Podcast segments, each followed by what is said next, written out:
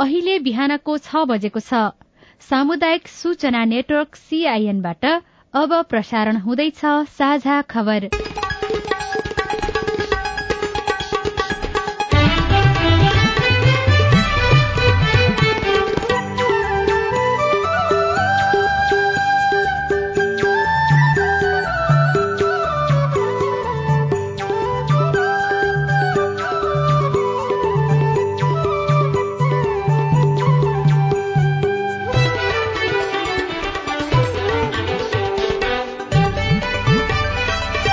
शुभ प्रभात यो सीआईएन को साझा खबर हो। स्नेहा कर्णसँगै लील प्रकाश चन्दको तपाईँलाई स्वागत छ। सामुदायिक रेडियोबाट देशैभरि एकैसाथ प्रसारण भइरहेको साझा खबर सीआईएन खबर डट कम र मोबाइल एप सीआईएनबाट पनि सुन्न सकिन्छ। आज दुई हजार उनासी साल असोज चौबिस गते सोमबार अक्टोबर दस तारीक सन् दुई हजार बाइस नेपाल सम्बत एघार सय बयालिस कार्तिक कृष्ण पक्षको प्रतिपदा तिथि आज विश्व मानसिक स्वास्थ्य दिवस। साझा खबरमा प्रमुख खबरका शीर्षकहरू। प्रतिनिधि सभा र प्रदेश सभा निर्वाचनका लागि एक्काइस सय आठको उम्मेद्वारी महिला र दलित प्रमुख दलको उपेक्षामा शान्ति सुरक्षाका लागि चारवटै सुरक्षा निकाय परिचालित। टिकट वितरणको विषयमा सत्ता र विपक्षी गठबन्धनमा विद्रोह भ्रष्टाचार र अपराधमा मुछिएका पनि उम्मेद्वार। अन्तर्राष्ट्रिय पर्यटक आगमन तीन गुणाले बढ़्यो। सबै पालिकालाई प्रदेश राजधानीसँग जोड्न कार्यविधि बन्दै वित्तीय अपराध कानून संशोधन नहुँदा नेपाल कालो सूचीमा पर्न सक्ने जोखिम मानसिक स्वास्थ्य सुधारका लागि बजेटमा सरकारको कन्जुस्याई इरानमा जारी विरोध प्रदर्शनमा नब्बे जना भन्दा बढ़ीको मृत्यु श्रीलंकाको अर्थतन्त्र अझै सुधार हुन सकेन। र नौ राष्ट्रिय खेलकुद अन्तर्गतको महिला क्रिकेटमा मधेस र बागमती प्रदेशको विजय शुरूआत दक्षिण अफ्रिका विरूद्धको दोस्रो एक दिवसीय क्रिकेटमा भारतको जीत।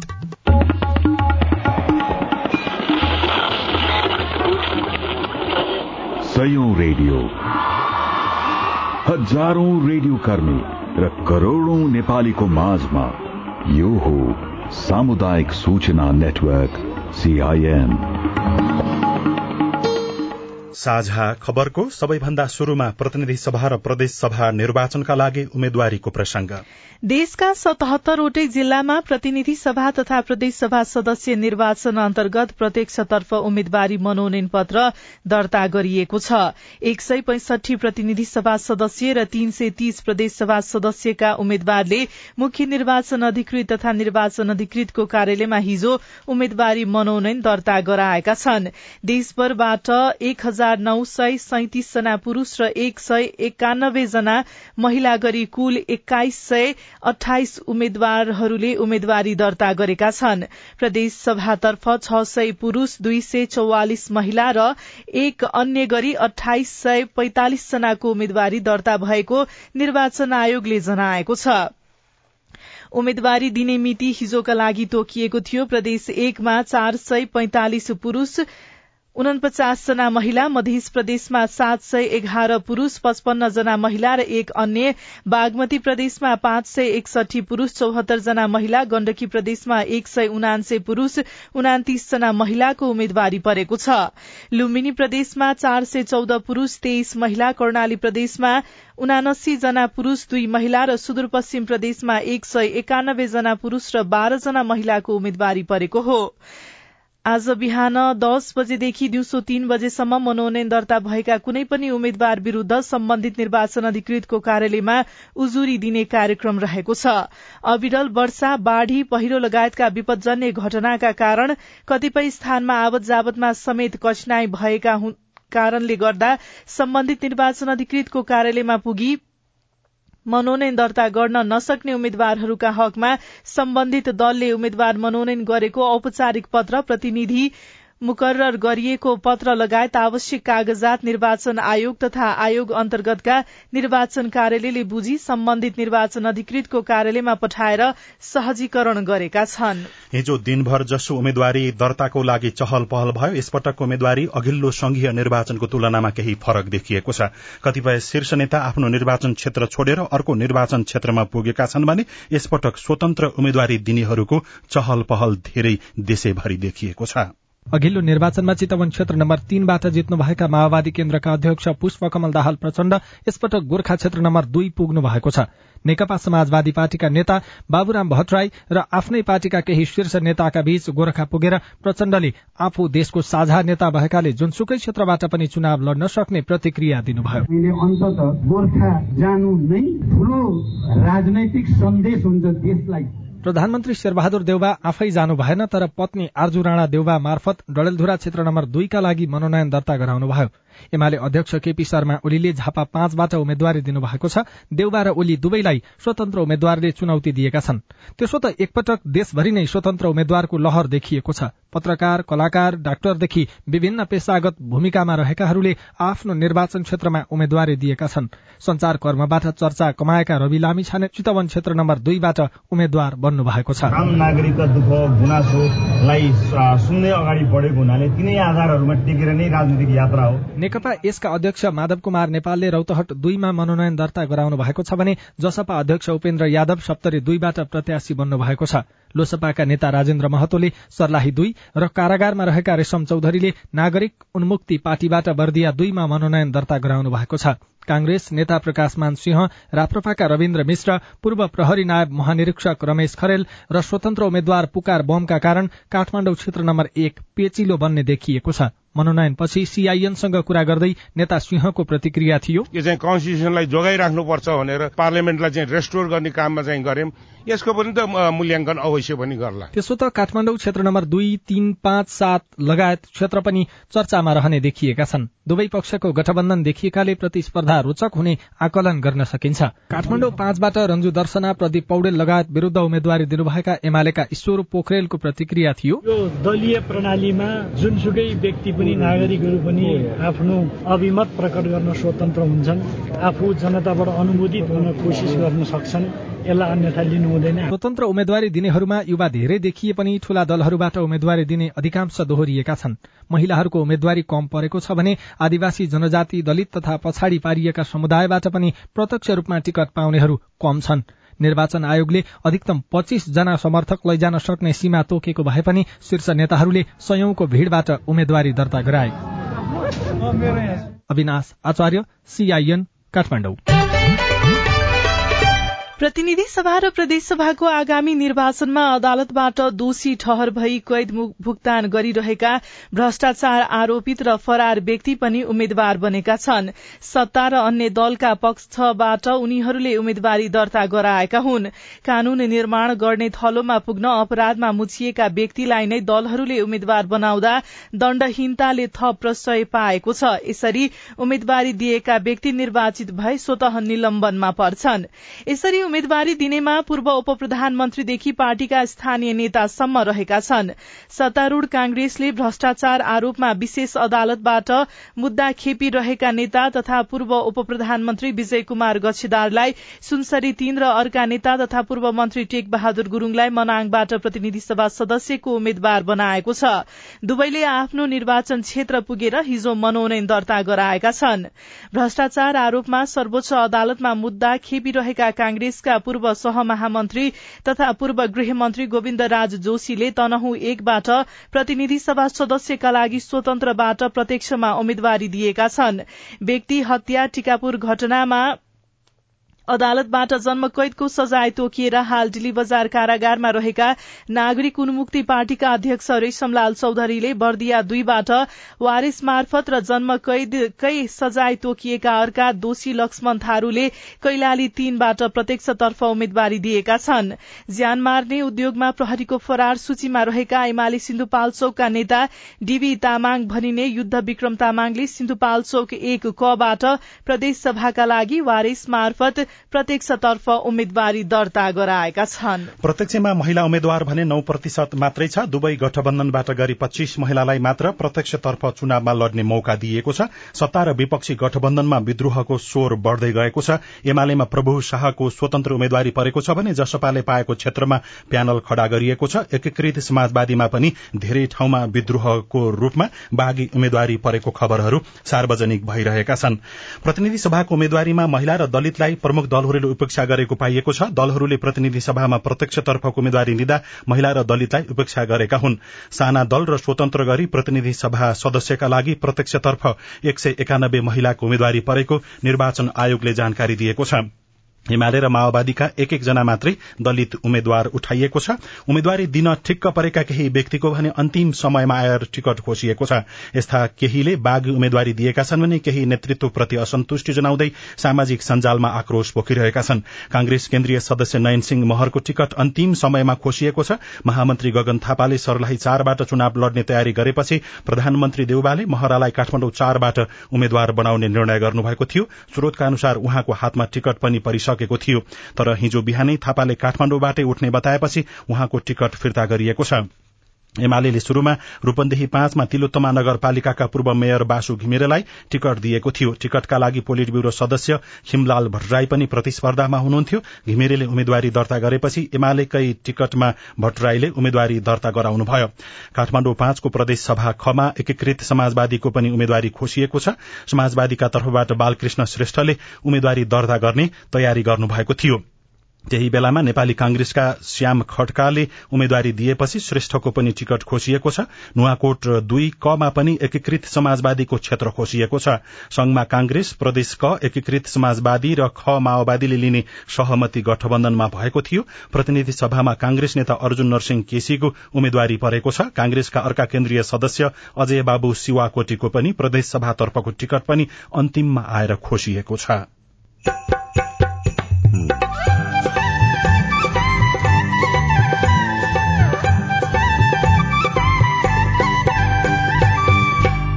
सामुदायिक सूचना नेटवर्क सीआईएन मार्फत देशभरि प्रसारण भइरहेको साझा खबरमा नेपालमा मानसिक स्वास्थ्यको समस्या बढ़दै स्वास्थ्यको लागि चेकअप गर्नको लागि भनेर हस्पिटल जाउँछ। त्यसरी नै चाहिँ मानसिक स्वास्थ्यको लागि चाहिँ जनचेतनाको अझै पनि अभाव छ। त्यसले गर्दा चाहिँ यो अझै बढ्दो रूपमा गइरहेको छ। सबै पालिकालाई प्रदेश राजधानीसँग जोड्न कार्यविधि बन्दै वित्तीय अपराध कानून संशोधन नहुँदा नेपाल कालो सूचीमा पर्न सक्ने जोखिम लगायतका खबर बाँकी नै छन्। सीआईएनको साझा खबर सुन्दै गर्नुहोला।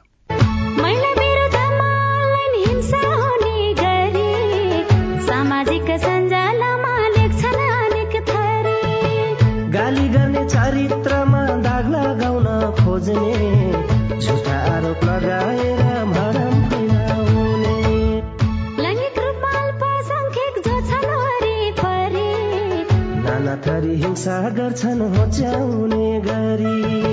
नजिस्काउनु शरीर र यौनिकतालाई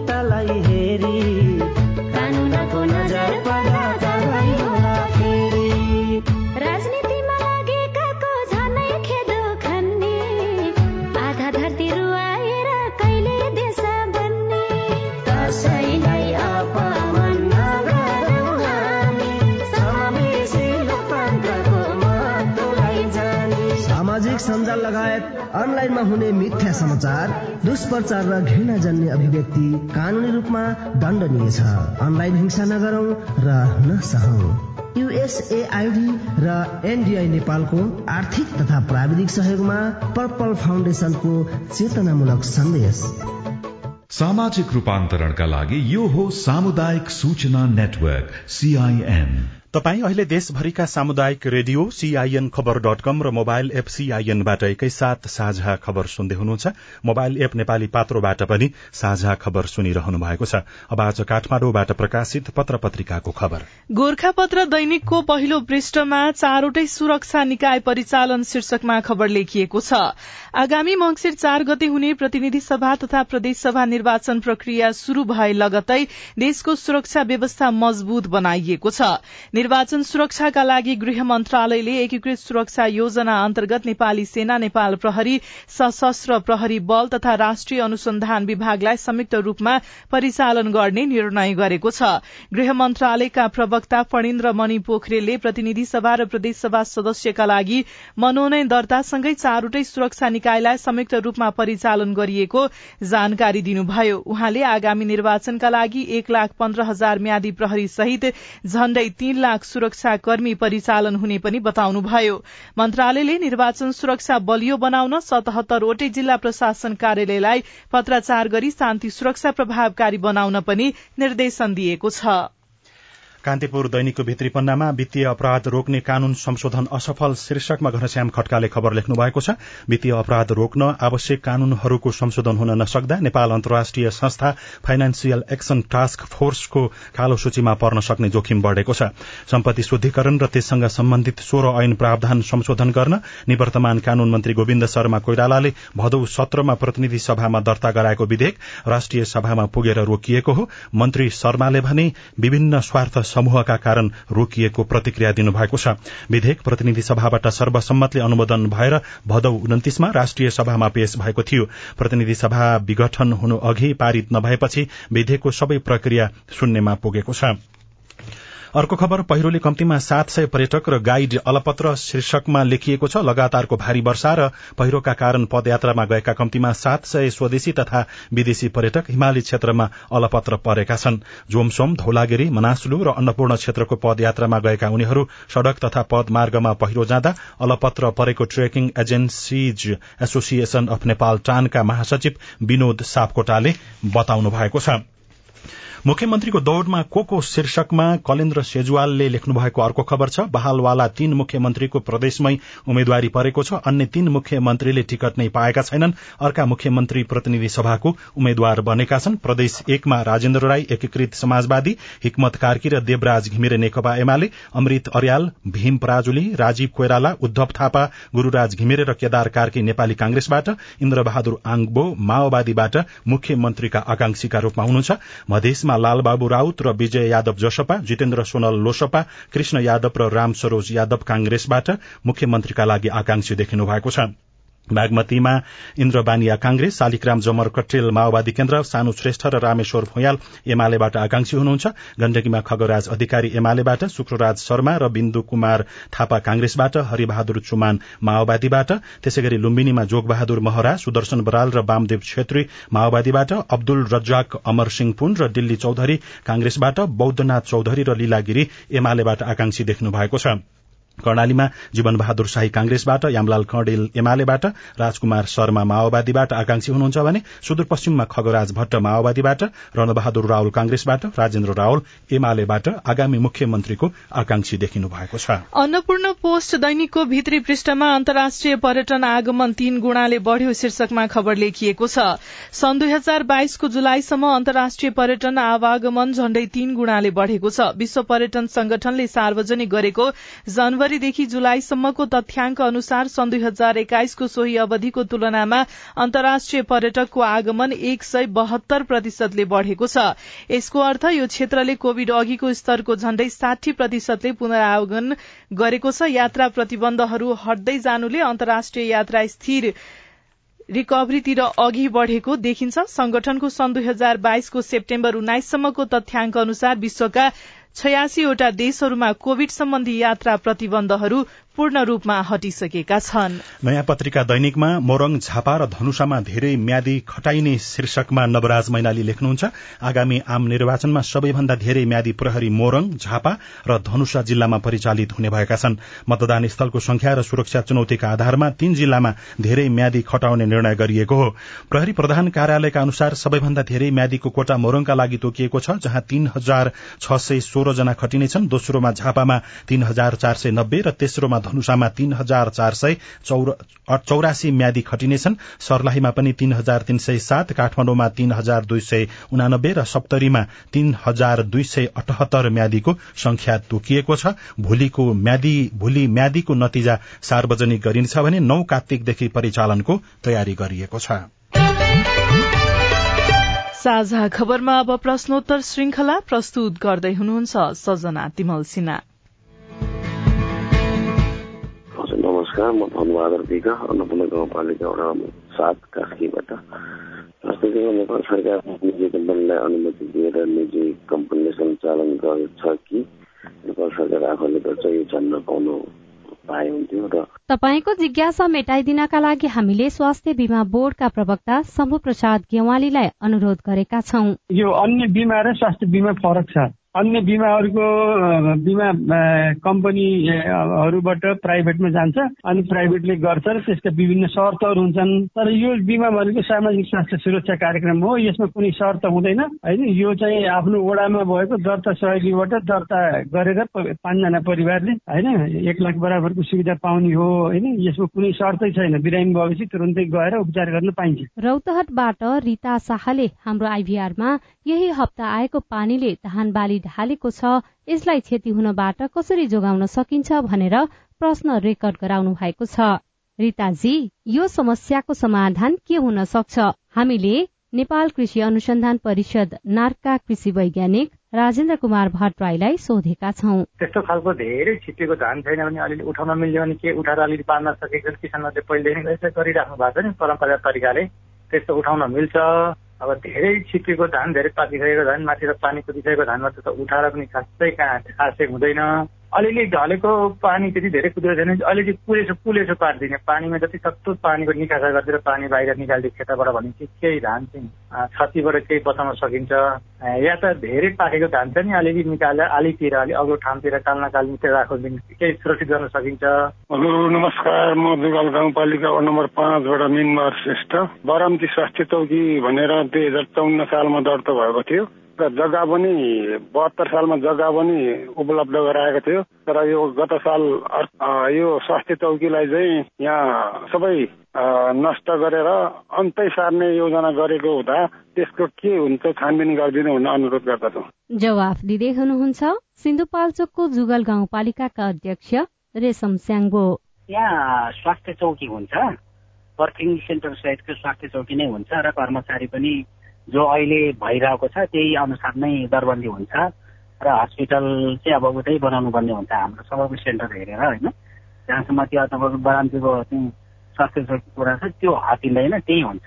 अनि लमजुङबाट रामप्रसाद पाण्डेले हाम्रो आइभीआरमा बालबालिकाको नाममा आएको बजेट के कामको लागि छुट्याइन्छ भनेर सोध्नु भएको छ। जवाफमा सुन्दर बजार नगरपालिकाका अध्यक्ष कृष्ण प्रसाद कोइराला भन्नुहुन्छ। बाल सञ्जाल नगरपालिका स्तरीय बाल सञ्जाल छ एउटा। अनि स्कुल स्कुलमा बाल सञ्जालको चाहिँ समिति हुन्छ बाल बालिकाहरूको त्यो बाल बालिकाहरूको सेक्टरमा त्यो बाल सञ्जालमा स्कुलहरूको बाल बालिका सेक्टरमा खर्च हुन्छ। तपाई जुनसुकै बेला हाम्रो टेलिफोन नम्बर शून्य एक बान्न साठी छ चार छमा फोन गरेर आफ्नो प्रश्न जिज्ञासा गुनासा अनि समस्या रेकर्ड गर्न सक्नुहुनेछ। साझा खबरमा अब विदेशको खबर भारतको विभिन्न विपदका घटनामा परि अठार जनाको मृत्यु भएको छ। राजधानी दिल्लीमा तालमा डुबेर छ जना बाल बालिकाको मृत्यु भएको छ भने उत्तर प्रदेशमा चट्याङ लागेर बाह्र जनाको मृत्यु भएको छ। हिजोदेखि भइरहेको निरन्तरको वर्षाका कारण भारतका विभिन्न राज्यमा जनजीवन प्रभावित बनेको छ भने विद्यालयहरू बन्द गरिएका छन्। इरानमा जारी विरोध प्रदर्शनमा हालसम्म नब्बे जना भन्दा बढ़ीको मृत्यु भएको छ। मानव अधिकारको क्षेत्रमा काम गर्दै आएको एमनेस्टी इन्टरनेशनलका अनुसार सोह्र सेप्टेम्बरबाट शुरू भएको विरोध प्रदर्शनमा हालसम्म बीस जना सुरक्षाकर्मी सहित नब्बे जना भन्दा बढ़ीको मृत्यु भएको हो। मृत्यु हुनेमा बीस जना बाल बालिका पनि रहेका छन्। र कोरोना भाइरसको महामारीसँगै निरन्तर ओह्रालो लागेको श्रीलंकाको अर्थतन्त्र सात महिना बितिसक्दा पनि तंग्रिन सकेको छैन। सन् उन्नाइस सय सत्तालिसमा स्वतन्त्र भए यताकै ठूलो वित्तीय समस्याको सामना गरिरहेको श्रीलंकाले गत मार्चमा इन्धन औषधि तथा खाद्यान्न संकटको सामना गरिरहेको छ। मुद्रास्फीति उकालो लागिरहेको छ भने वैदेशिक मुद्राको संचितिको अवस्था निकै चिन्ताजनक रहेको छ जसका कारण दुई करोड़ बीस लाख जनताको जीवनस्तर दिनानुदिन निकै कष्टकर बन्दै गएको छ।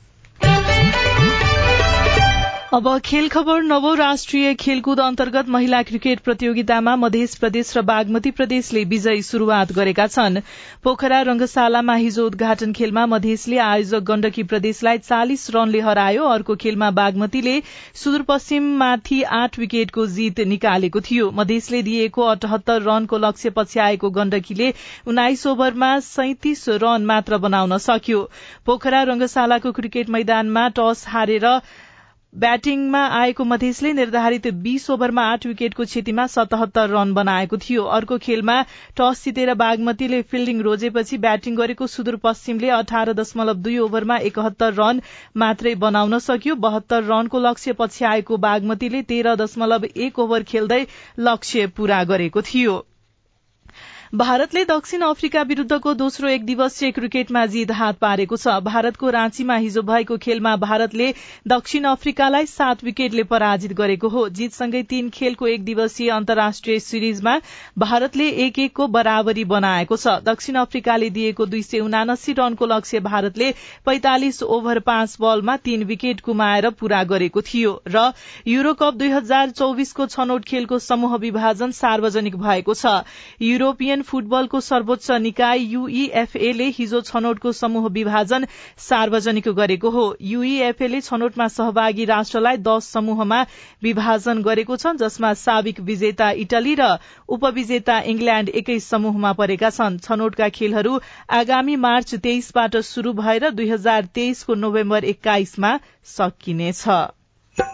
नेपालमा कुल जनसंख्याको पच्चीस प्रतिशतमा मानसिक स्वास्थ्य समस्या। रेडियो रिपोर्ट अरू खबर र कार्टुन पनि बाँकी नै छ। सीआईएनको साझा खबर सुन्दै गर्नुहोला। नेपाल टेलिकमको सूचनाको संसार। होइन के सुनेको यस्तो ध्यान दिएर दोहोरो बोलेको जस्तो नि देख्दिन। तीन दुई एक शून्य शून्य क्या? तीन दुई एक शून्य शून्य? के हो त्यो भने? बुझिन त। ल सुन एनटिसी प्रयोगकर्ताहरूले आफ्नो मोबाइल तथा ल्यान्डलाइनमा तीन दुई एक शून्य शून्य डायल गरी समाचार रेडियो कार्यक्रम खेल र अन्य विषयबारे सन्देशहरू जुनसुकै बेला निशुल्क सुन्न सक्छन्। ओहो निशुल्क? कस्तो सजिलो। समाचार सुन्न छुट्यो भनेर पिर लागेको थियो। अब त म पनि सुनिहाल्छु। कति रे? तीन दुई एक शून्य शून्य। सामाजिक रूपान्तरणका लागि यो हो सामुदायिक सूचना नेटवर्क सीआईएन साझा खबरमा अब मानसिक स्वास्थ्य र सरकारको लगानी।